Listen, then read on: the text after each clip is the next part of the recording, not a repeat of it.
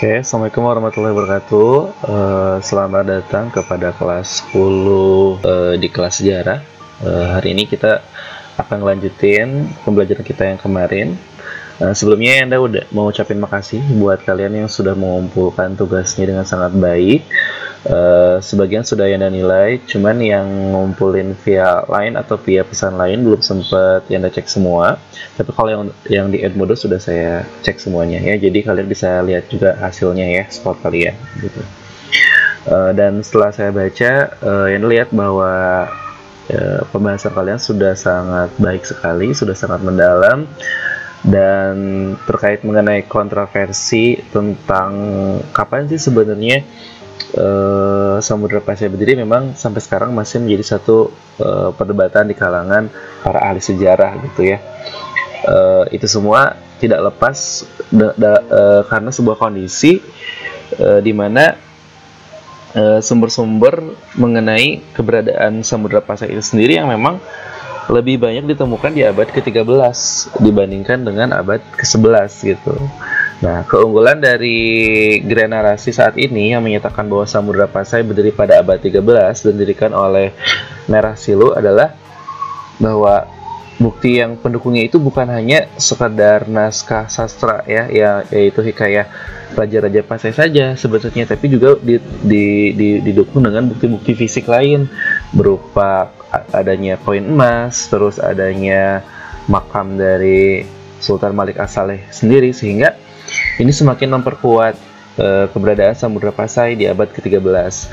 Selain itu juga kalau kalian sebenarnya cek lebih dalam lagi di video yang udah Yana share kemarin, sebenarnya di video tersebut dijelaskan oleh si naratornya bahwa penyebutan istilah kerajaan Samudra Pasai sendiri itu baru dis- di- digunakan di zaman eh, Merah Silu atau di zaman Sultan Malik As-Saleh. Karena sebelumnya istilah yang dipakai untuk merujuk kawasan tersebut itu lebih disebutnya itu kawasan Pasai. Bahkan eh, di beberapa waktu sebelumnya kita nggak tahu sebenarnya kawasan itu tuh disebutnya namanya kerajaan apa. Jadi penyebutan kerajaan Samudra Pasai sendiri atau istilah yang kita kenal sekarang dengan kerajaan Samudra Pasai itu memang baru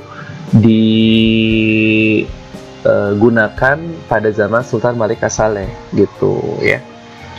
Em, nah pada kesempatan kali ini Yana bakalan ngajak kalian buat ngebahas lebih dalam mengenai kerajaan Samudra Pasai. Eh, kalian bebas eh, mau percaya yang mana, mau yang abad 11, mau yang abad ke-13. Cuman eh, satu hal bahwa eh, sejarah itu, kebenaran sejarah itu sangat tergantung sekali pada bukti.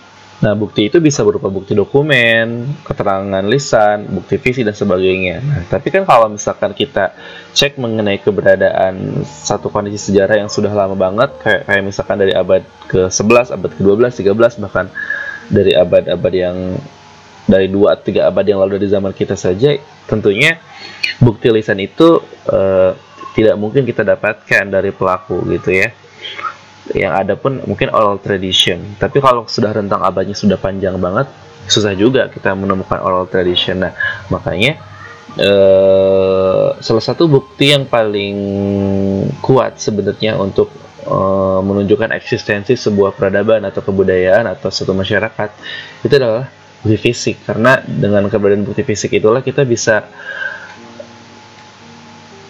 lebih memastikan mengenai keberadaan suatu hal itu gitu ketimbang eh, hanya keterangan-keterangan saja gitu makanya memang mm, yang berkembang saat ini baik itu di buku-buku sekolah ataupun di mana pun itu lebih condong menyebutkan abad merujuk pada abad 13 itu sebagai titik di mana memang eh, kekuasaan Islam sudah established atau sudah sudah mapan lah di Indonesia gitu sehingga bisa menjadi sebuah kerajaan besar gitu.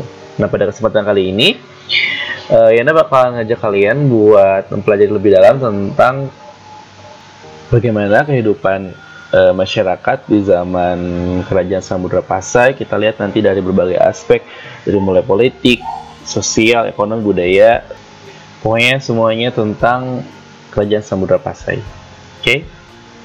Jangan ke mana-mana, stay tune terus ya eh, di kelas Yanda. Eh, buat kamu yang belum konfirmasi kejaran, Yanda tunggu uh, konfirmasinya di postingan yang udah Yanda share ya sebelumnya. Terima kasih.